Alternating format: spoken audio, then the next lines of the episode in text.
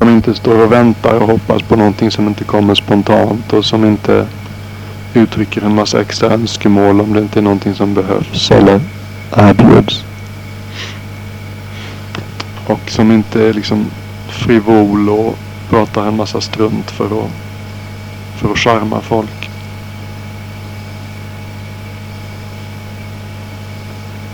Ja, det är klart det har olika sidor till sig. Men det handlar om, sig till exempel Ajahn Chah. Han var ju en fenomenal underhållare.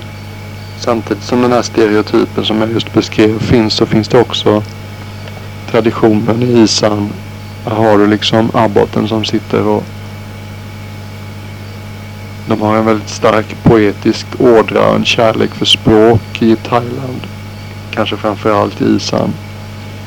Och den lokala dialekten Isan eller en form av laotiska är tydligen väldigt eh, användbar för att det är nästan som en slags rapping. Att man talar rytmiskt och om man är skicklig så kan man nästan liksom ögonblickspoesi.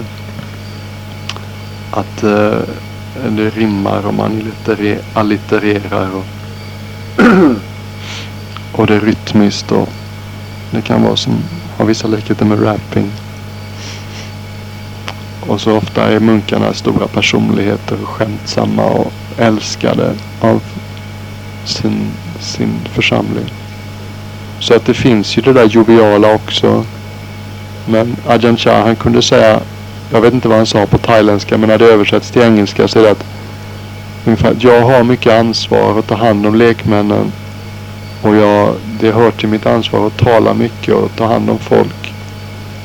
Och, men jag vill att ni, mina munkar och lärjungar att ni, ni eh, imiterar mig inte utan emulerar mig. Jag vet inte om det ordet finns på svenska men emulate finns på thailändska.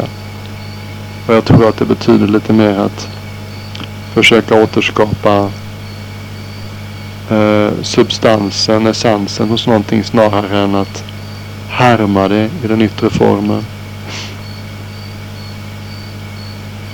Men som sagt, Dammaträning är alltid i en viss utsträckning en fråga om att gå emot strömmen. Go against the grain. Och om ens läggning är väldigt jovial och utåtvänd så är det viktigt att hela tiden odla en slags inåtvänd och säg en, en eh, buddhan prisade förmågan att njuta av ensamhet vilket vid en första anblick kan låta som någonting att det tycker väl de flesta om att få vara i fred lite grann. Men det är inte riktigt den utan det är en slags, en slags inre, inre ensamhet nästan. Att, att ha klart för sig att vi föds faktiskt in i det här livet helt och hållet ensamma. Och när vi dör så är vi också faktiskt helt och hållet ensamma. Inte ens våra nära och kära kan dela den fysiska och mentala smärtan som döden kan innebära. Och de svåra stunderna under livet så kan vi få stöd och hjälp av andra men någonstans så måste vi ändå lita till vår egen kapacitet och, och hantera livets upp och nedgångar. Det där chitta viveka kommer ifrån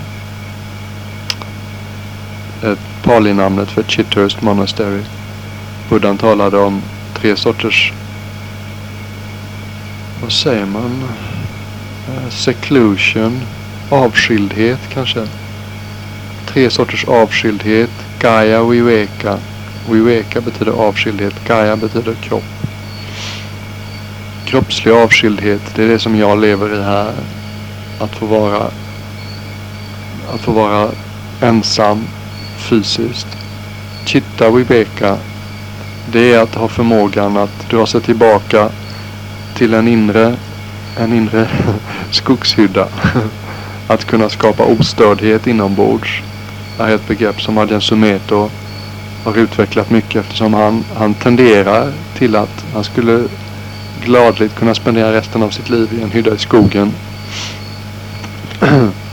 Men eh, den möjligheten har inte erbjudits honom för han är totalt lojal till Adjan Chah. Och när Adjan Chah föreslog att han skulle slå sig ner i väst och etablera någonting där så, så har han så har han aldrig tvekat om att det är det han måste göra här i livet. Men det har aldrig varit lätt för honom. Han har aldrig varit speciellt förtjust i att leva i, i stora kloster och ha mycket att göra med folk. Det är någonting han har fått träna sig till. Så det är en slags andlig avskildhet kan man kanske kalla det. Förmågan att eh, ha en inre reträttplats där de yttre upp och nedgångarna inte, inte så att säga lyckas skapa en massa vågor i ens liv. Och det sista då är Upadi Viveka. Det är avskildhet från alla former av förmörkelser, alla former av aggressivitet och girighet och okunnighet. Det vill säga full upplysning, nibbana här och nu. Och det vill säga en, en avskildhet från allt som, som inte är helt och hållet vist.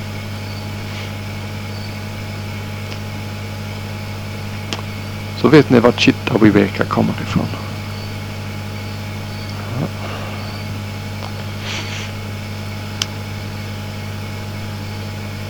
Så att komma tillbaks till mig då så en av de sakerna som Thailand erbjuder så är det just möjligheten att vara lite återhållsam, lite sparsam med hur mycket man pratar och hur mycket man har att göra med folk.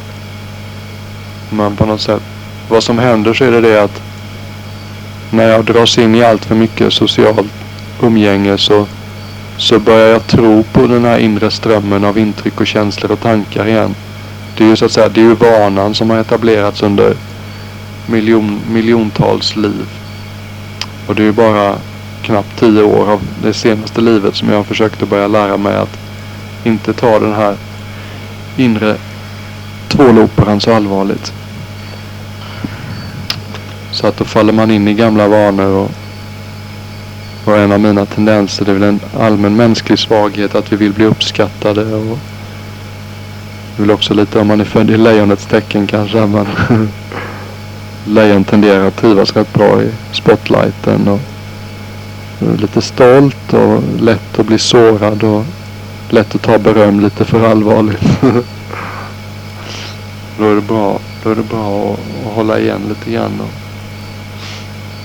eller åtminstone lära sig om sina egna svagheter.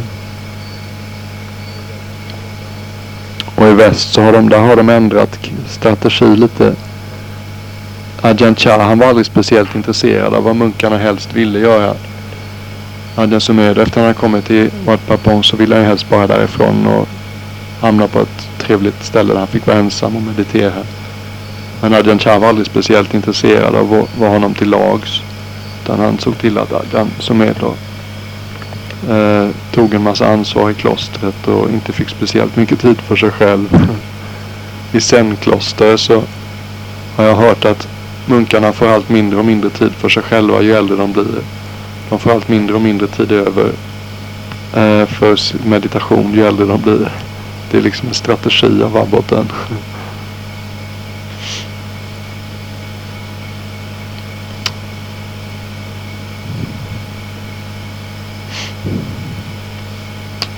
Flesta thailändska munkarna de, säga, de, de trivs väldigt bra i stora grupper så de uppmuntras ofta av abboten att ge sig av på vandring eller ge sig ut och bo i en stuga ensam. Men det är väldigt få thailändska munkar som pallar. Ni vet, när, ni vet när thailändska munkar hör att jag har bott här i ett år så ja, de tycker man är så duktig. De är så imponerade. Och själv tycker jag liksom att jag har haft jag har haft en årslång gudagåva här. Komplett frispel. Inte alls speciellt svårt eller mycket umbäranden eller mödosamt. Det har varit, har varit mitt lyckligaste år i hela livet.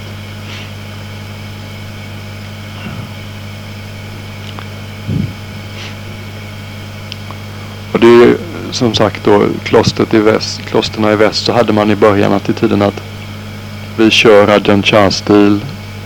Vad vi helst skulle vilja, det är ganska ointressant. Utan vi, gör helt och hållet enbart det som är av nytta för sangan, det som är av nytta för, för gruppen som helhet. Och det var tufft. Tänka er att dela rum.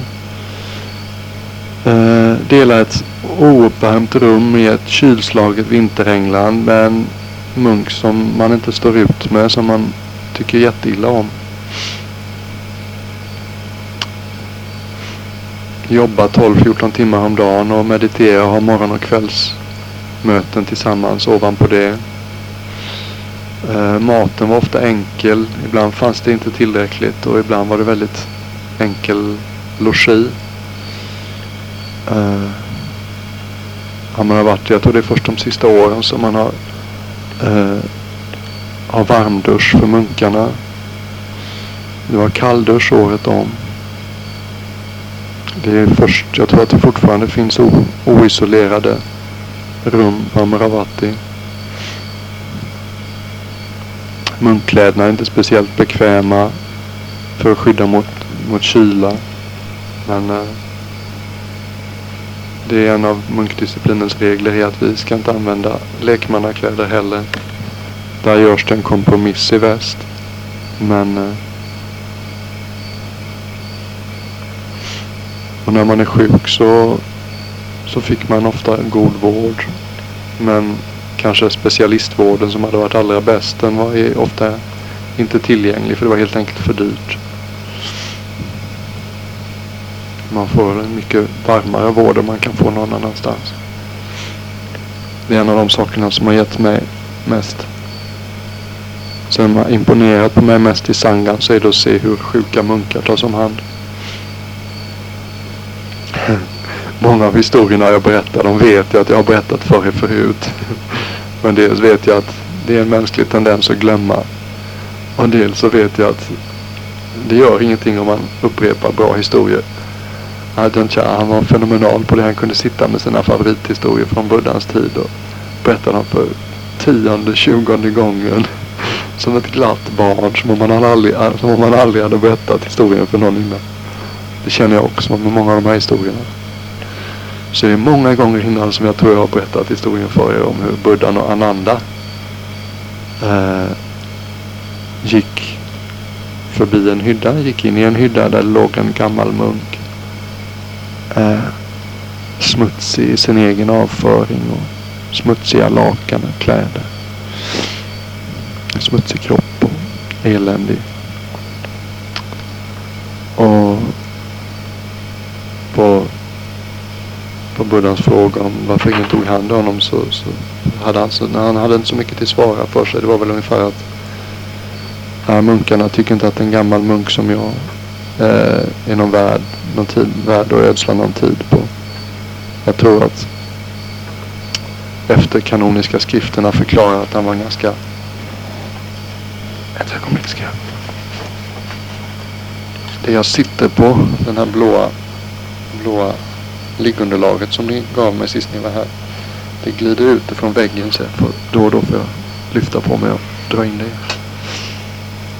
han, de efterkanoniska skrifterna förklarar att han var inte speciellt populär person. Lite, lite motvallskärring och, och hade inga, inga sånt där var inte speciellt framstående i att vandra den ädla vägen heller. Och eh, och Buddhan sa till Ananda att vi har lämnat familj bakom oss.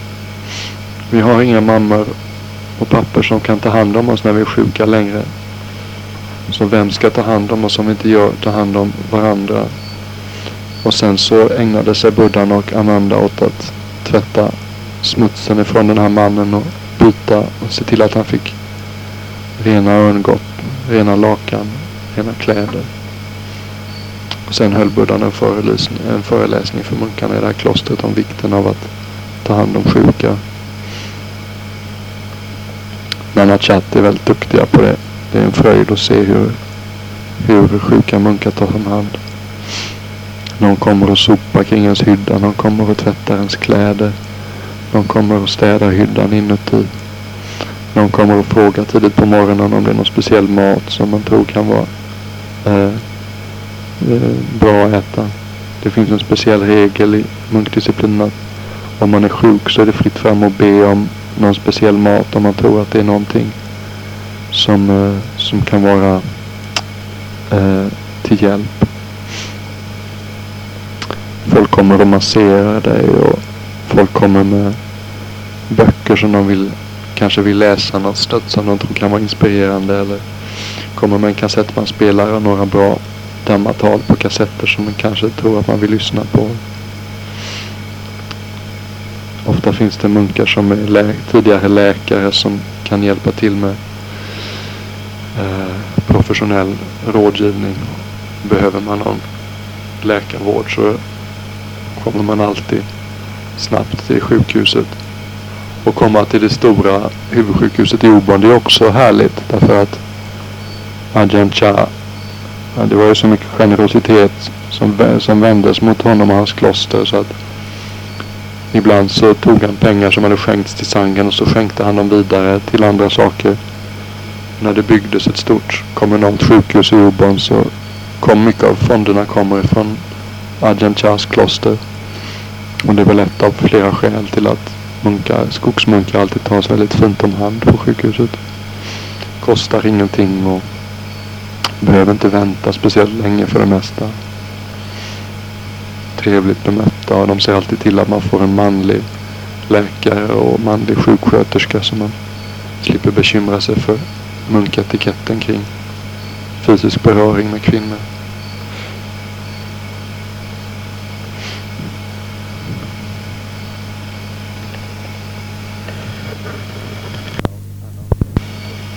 En av, en av reglerna som finns så är det att om en munk blir sjuk så ska man fråga honom När du var liten och var sjuk, vad gav din mamma dig då? som hjälpte. och det är ju rätt fantastiskt. Ta, här tar jag i trä, det är därför min röst försvann. Ta i trä. Eh, men jag har ju faktiskt i stort sett inte varit sjuk alls på sju år. Det, det, händer, det dyker säkert upp så småningom men jag har varit välsignad från sjukdomar i stort sett i sju års tid. Vilket nog är ett rätt makalöst rekord. Jag tror jag, jag, tror jag har missat allmoserundan en dag. Eller ett par dagar möjligtvis en gång när min axel hoppade ur led. Annars så, annars så är jag, jag har varit välsignad med tillfällig hälsa. Men när den dagen kommer när jag blir sjuk och de kommer och frågar då ska jag säga när jag var liten och när jag var sjuk då fick jag mosade bananer med apelsinjuice och det hjälpte bra det. Så det får jag nog igen.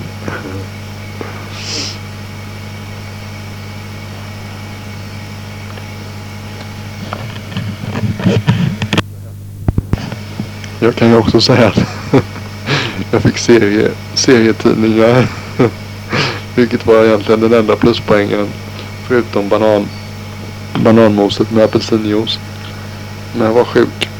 Men jag tror att serietidningarna, ja det finns ju lite fina Larsson och Kalle och Hobbe serietidningar på en annan chatt. Jag kanske får någon av dem.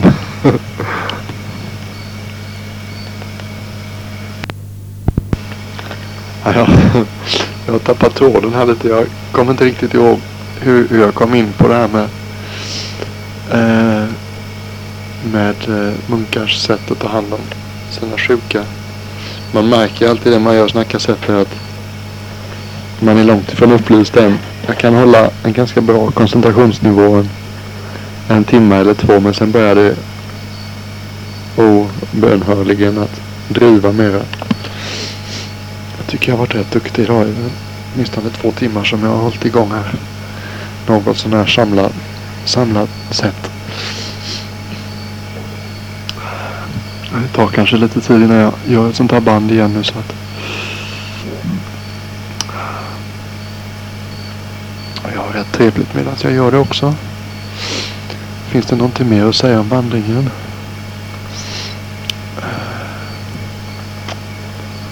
Och det är som sagt, det är inga problem. Någonstans blir man sjuk så är det bara att gå in på närmsta sjukhus så får jag jättefin vård. Och eh, behöver jag någonting så kommer det vara folk nästan dagligen som kommer och fråga om det är något de kan hjälpa till med.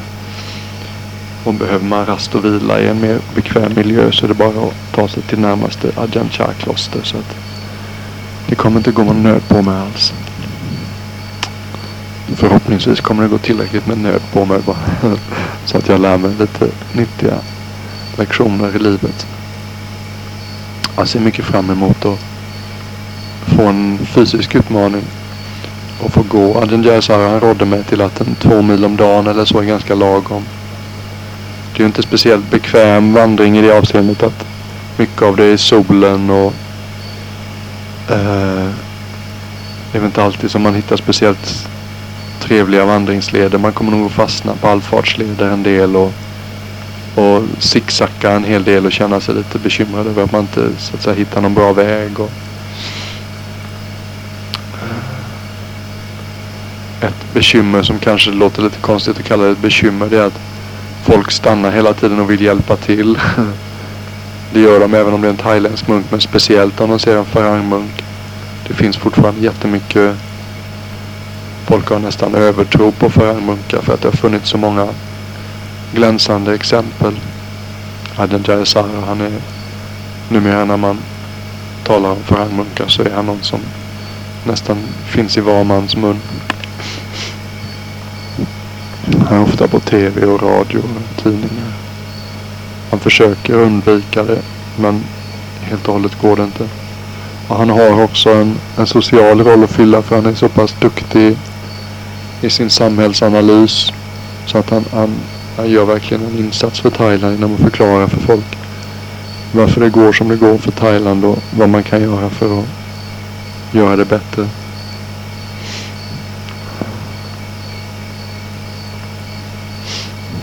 Men han, han åker till exempel aldrig och föreläser i Bangkok och vill de komma och intervjua honom så får de komma till Nanachat.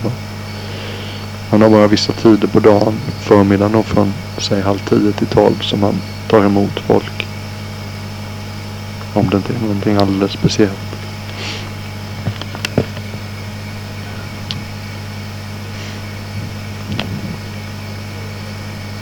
Så att vad som händer då i alla fall så är det att folk stannar med bilen och så vill de köra en. Så man får helt enkelt ta en, kallas aditana, determination på engelska. Alltså så beslutsamhet. Man gör en slags löften för sig själv. Uh, som man, man får, det här är en teknik som man ofta använder för att man det går inte att lita på sig, sitt eget omdöme därför att omdömet färgas ofta av de krafterna i oss som inte är speciellt intresserad av visdom och klokhet. Så att om man säger att man skulle bestämma sig vad som är riktigt rätt i varje situation så fastnar man ofta i eh, sina svaga sidor. Precis som en rökare får bestämma sig för att jag slutar röka, punkt slut. Om man inför varje cigarett ska bestämma sig så, så faller man till föga. För det mesta. Och då är det jag munkar gör just det är väldigt många munkar som gör sådana här, vad heter det, vows på svenska? Uh, ja, jag vet inte vad det är på svenska, vow på engelska. Ett löfte för sig själv. Det använder många munkar mycket.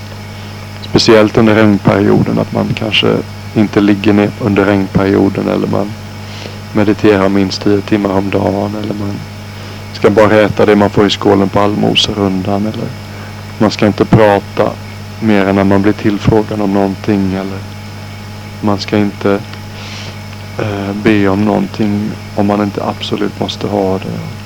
Det kan vara allt möjligt beroende på ens läggning och svagheter och styrkor. Men det är någonting som är väl känt och som används mycket av lekmän i Thailand också. Då kan man alltid svara, jag har redan, jag har redan lovat mig själv att jag ska inte gå in i en bil förrän jag kommer till Oborn. Så, så, aha, det räcker som förklaring, då förstår de. Och då blir de också inspirerade för då tycker de att man är jätte... Gang är det ordet som används på thailändska. Liksom att man är eh, ja, duktig ungefär. Fast det kan ofta vara samtidigt är det ju en bekväm, bekväm ursäkt eller ett svar. Det är lite tvåsidigt man vill när folk kommer med sådana omtänksamma och snälla erbjudanden så på ett sätt så vill man alltid eh, komma till komma till, komma till hjälp därför man vill stödja den här goda intentionen när man är rörd och liksom uppskattar gesten. Samtidigt om man tog emot allting som lekmän vill ge och göra för en så skulle man bli rätt bekväm av sig. Jag får, jag får ju kämpa här för att liksom uh, hålla, hålla en bra standard. Jag skulle kunna leva ett väldigt slappt liv här.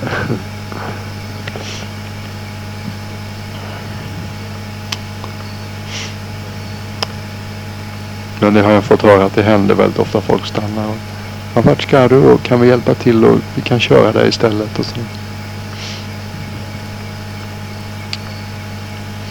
Och så är det också en tid när jag kan intensifiera studierna av thailändska. Det kanske är överraskande för er men jag spenderar inte speciellt mycket tid med thailändska. Jag har liksom alltid en latent känsla av att jag borde ägna mig lite mer åt det. Jag tycker om att lyssna på Aden Desaros dammatal på thailändska. Och så tycker jag om att sitta och prata thailändska men jag är inte så kul på att sitta och studera för mig själv. Då. Jag mediterar hellre helt enkelt. Eller så om jag ska ägna mig åt läsande och skrivande så tycker jag det är roligare att läsa något ur Buddhas skrifter på engelska.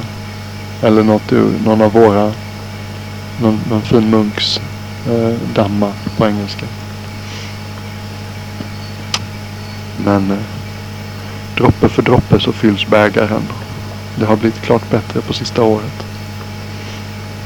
Och sen är det ju faktiskt, det är också en intressant effekt att ju mer jag mediterar ju snabbare blir thailändska inlärningen. Därför att när man mediterar så blir man duktigare på att vara här och nu. Då blir man mycket duktigare på att lyssna på andra människor. Så att när jag är samlad och precis kommer från en meditationspass då, då lär jag mig mycket mer thailändska därför jag lyssnar verkligen på vad folk säger. Och när jag talar så är jag samlad och orden kommer ut i rätt ordning eller något sån här rätt ordning och något sån här rätt tom. Medan när jag är mer osamlad och så att säga har ett mer grunt och eh, splittrat, osamlat inre. Då, då är det inte speciellt eh, bra sting, sting i ordföljden eller uttalet.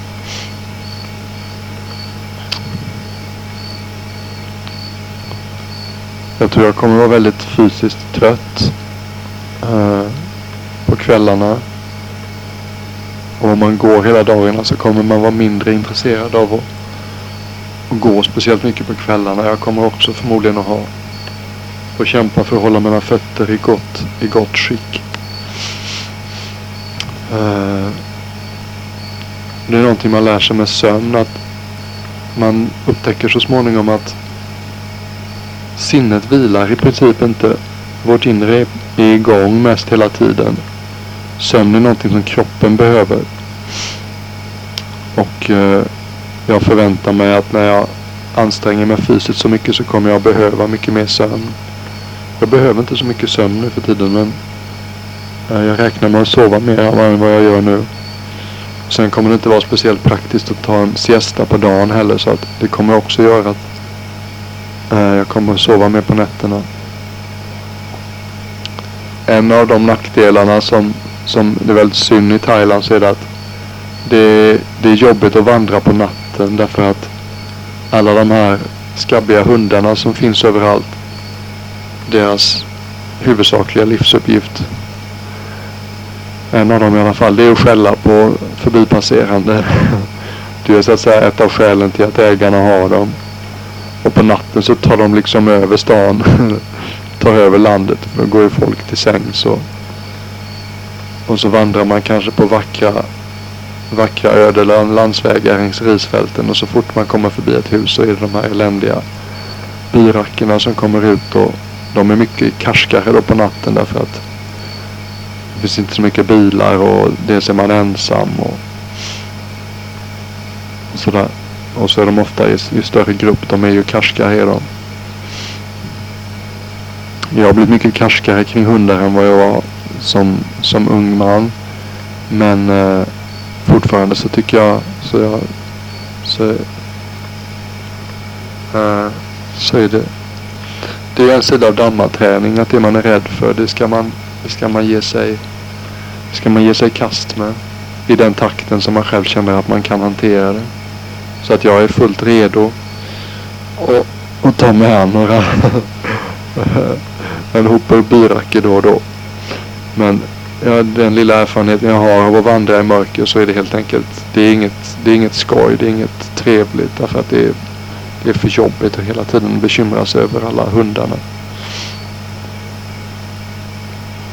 Annars hade jag gärna vandrat på natten. Det tycker jag skulle vara förträffligt om man kunde vandra på morgontimmarna.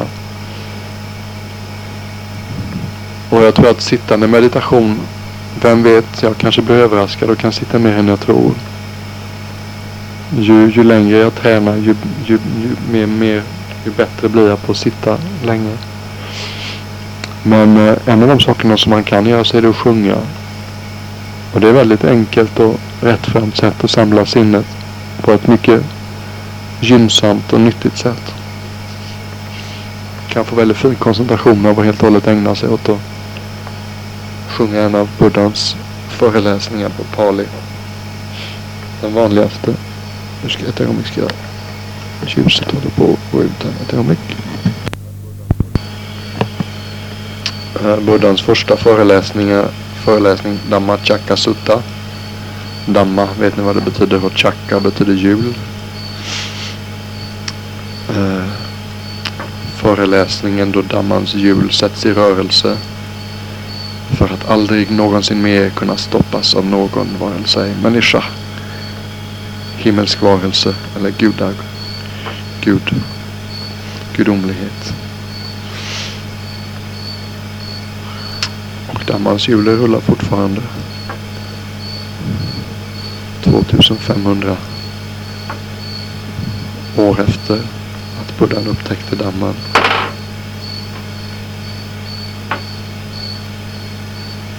Och vilsna, vilsna små varelser som jag kan få en möjlighet att göra sina liv till någonting att, att glädjas åt och bringa in ljus i.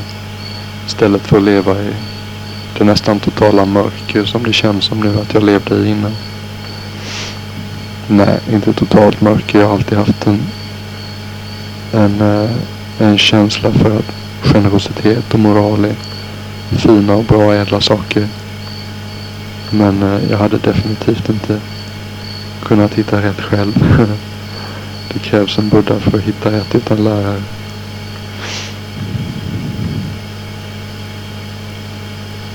Buddhan sa att jag har inte, jag har inte upptäckt någonting nytt utan jag har bara återupptäckt en gammal överväxt stig. Stigen har alltid funnits där men den har legat i glömska under lång, lång tid.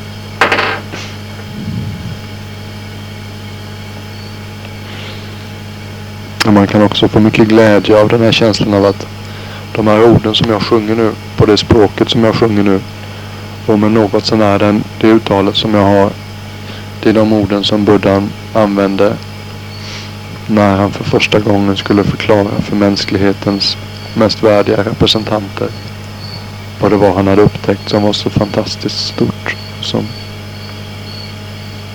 som, som för alltid förändrade världen.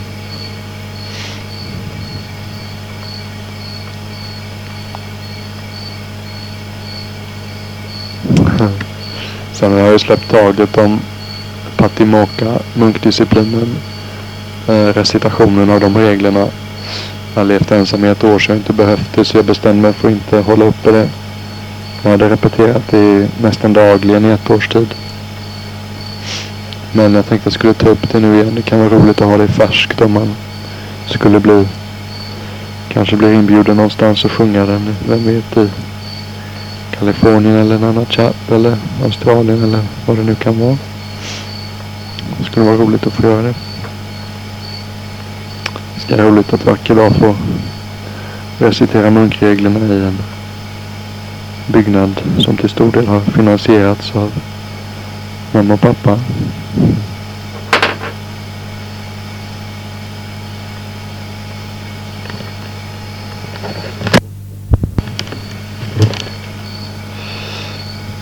En inre röst på göteborgska dyker upp och säger han är får ta och ge dig. Det går mot andra bandets slut här och det vill säga tredje timmans pratande. Och hur, hur intresserade föräldrar och familjen är av ens barns och broders liv och välgång så måste jag väl ändå misstänka att det finns gränser för ert intresse. Jag tror att jag börjar runda av här. Önskar er alla en innerligt god jul igen. Hoppas att det blir en riktigt fin och bra jul var ni än befinner er. Ser fram emot att få prata med er. Hoppas att ni kanske har hört det här när vi tar oss vid jul. Fast det kanske ni inte har.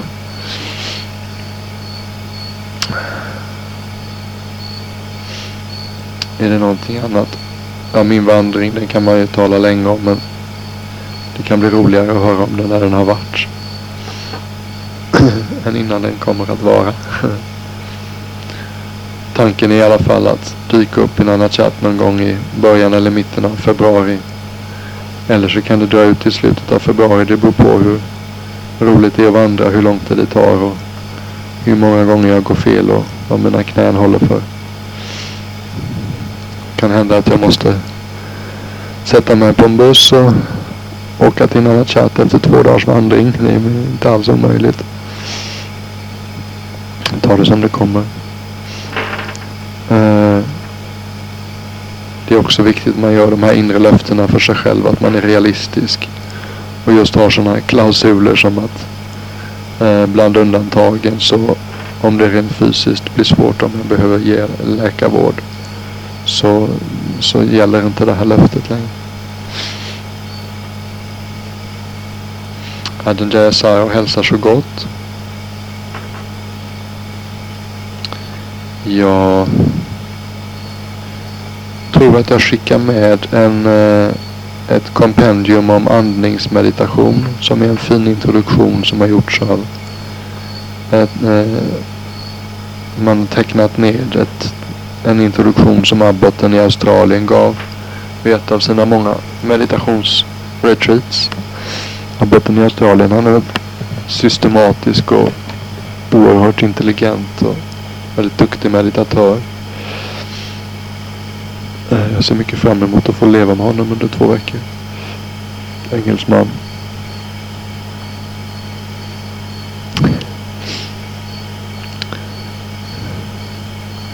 Jag kanske skickar med en artikel om år 2000 också som kan vara intressant för pappa och Adjan. Eller pappa och kanske för Jan i första hand.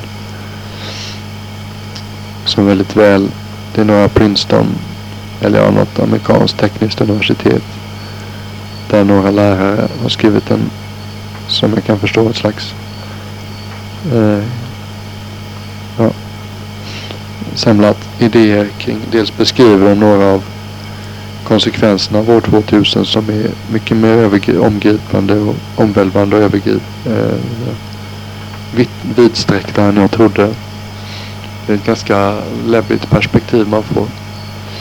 Och sen några av de möjliga goda sakerna som kan uppstå ur människors nödvändigheten av att, av att eh, så att säga reagera på ett konstruktivt sätt till eh, de svårigheterna som kan uppstå kring årtusendeskiftet. Kanske någonting mer också, vi får se.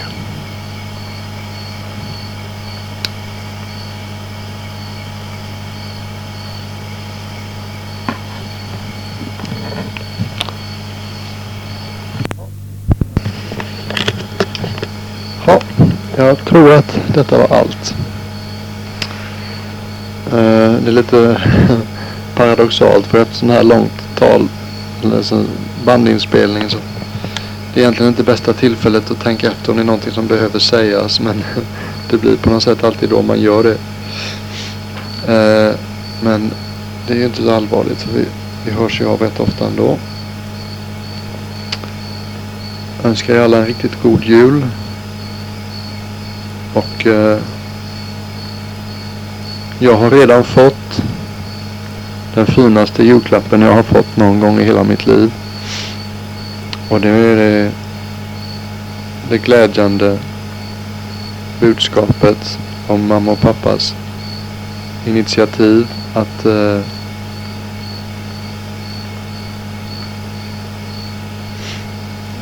ge en sån stor summa pengar till Sangan i öst och väst. Och eh, att den summan hamnar med de människorna som jag respekterar mest i hela världen. Och ser upp till som de visaste människorna jag någonsin har mött i hela mitt liv. Det förstår ni säkert att det känns speciellt. Eh, det är lätt att tro när man ser de något imponerande, de ganska imponerande anläggningarna, klostren i väst, både Amaravati och Chithurst, är ganska imponerande till det yttre. Vad folk inte är, så insatta i är att eh, det är fortfarande inte alltid säkert att det kommer någon mat på bordet i skålen. Det är fortfarande saknas ofta saker och man får klara sig med vad man har. Och det kommer ta tid innan det fungerar att ha ett buddhistkloster på det viset som Buddha menade i väst. Därför att Eh, det är inte vår stil riktigt att marknadsföra sig och gå ut med eh, gå ut med kampanjer för att eh, generera fonder. Det är inte så Buddha menade att munkar ska leva och, och så presentera sina behov. Det är väl också så att en gåva som har getts utan någon som helst eh, utan att man har bett om det innan. Den, är så, den har, den har en, en, en oslagbar smak av eh, odelad renhet och glädje och det är något visst med det. Jag har aldrig någonsin haft någon inställning om att jag skulle vilja att någonting speciellt hände med de pengarna. Utan som jag ser det så gav jag en gåva till er för sex sju år sedan. Och den gåvan har, vi, har viss del då i, i att ni idag väljer att göra det här initiativet. Men det är två från varandra fristående akter av godhet och generositet som bägge eh, är mig till stor glädje.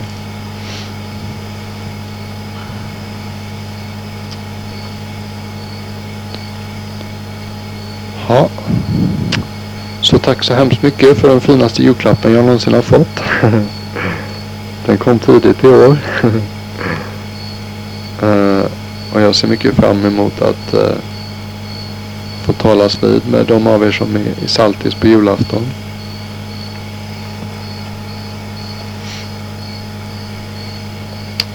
Och har just nu inte så mycket mer att säga. Jag önskar er allt väl. Och glöm inte bort att vi är slavar under nuet. Men vi är herrar över framtiden. Och den skapande guden, det är vi det. Det är vi som skapar våra liv. Genom kvaliteten på vad vi säger och vad vi tänker. Vad vi känner och vad vi gör. Ja.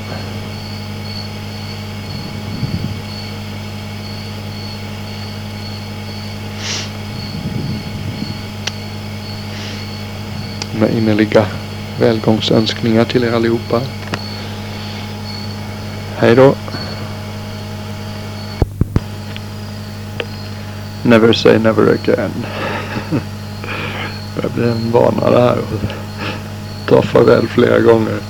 Jag hittade några dammatal eh, som jag tänkte jag kunde skicka med om man nu ändå ska slå på stort i portokostnader så kan man lika gärna göra det ordentligt. Det är fina grejer som jag skickar med. Eh, det är fem dammatal. Två av Ajahn Brahma Wangso, eh, abboten i Perth i Australien. Två av Ajahn Jayasaro och ett av Ajahn Passano, vår gamla abbot som mamma och pappa och eh, Janne säkert kommer ihåg. Som ni vet så är sådana här dammatal, det är någonting som en, det hör till en abbots uppgift att ge det åtminstone en eller ett par gånger i veckan. Och det är ofta impromptu, eh, improviserade saker. Vad som känns viktigt och rätt just då. Och eh, de är, det är ingen systematik i att de skrivs ner utan det, om det är någon som är inspirerad så sätter de sig och lyssnar på tejpen och skriver in det på datorn. Det var en tysk novis som skrev ner Agenda Saros två tal. Hans engelska är lite bristande i vissa avseenden. Det är också första utkast. Det har inte gjorts någonting mer av det. Eh, och alla talen är då riktade till munkar. Får ni, eller framförallt Ajahn Passanos och Ajahn Jayasaros tal är riktade till munkar. Så att det kan vara lite, kan vara lite tufft eller kanske eh, understryker livets skuggsida lite väl mycket Eh, för, en, för en person som inte är beredd att ägna sig helt och hållet åt, åt buddhans lära. Men jag tycker ändå det finns mycket, i Ajahn Jayasaros två tal finns det mycket om det här faktumet att jaget som vi går omkring och tar så himla mycket på allvar. Att det är en illusion. Ajahn Jayasaro talar väldigt väl om det. Och hur det å ena sidan kan vara så och samtidigt så är buddhans instruktioner och buddhans lära fulla av eh, goda råd om hur vi ska göra för att själva bli en bättre person. och det talar Ajahn väl om. Andra talet var den där om livet som en, som en quest. Det är bara en del som finns därför att strömmen gick medan han höll talet. Ja, det är bara om ifall någon i familjen skulle vara intresserad. Och så det här talet, eller den här uppsatsen jag talade om som beskriver effekterna av år 2000 eh, på att jag inte läst någonting i nyheterna men jag blev väldigt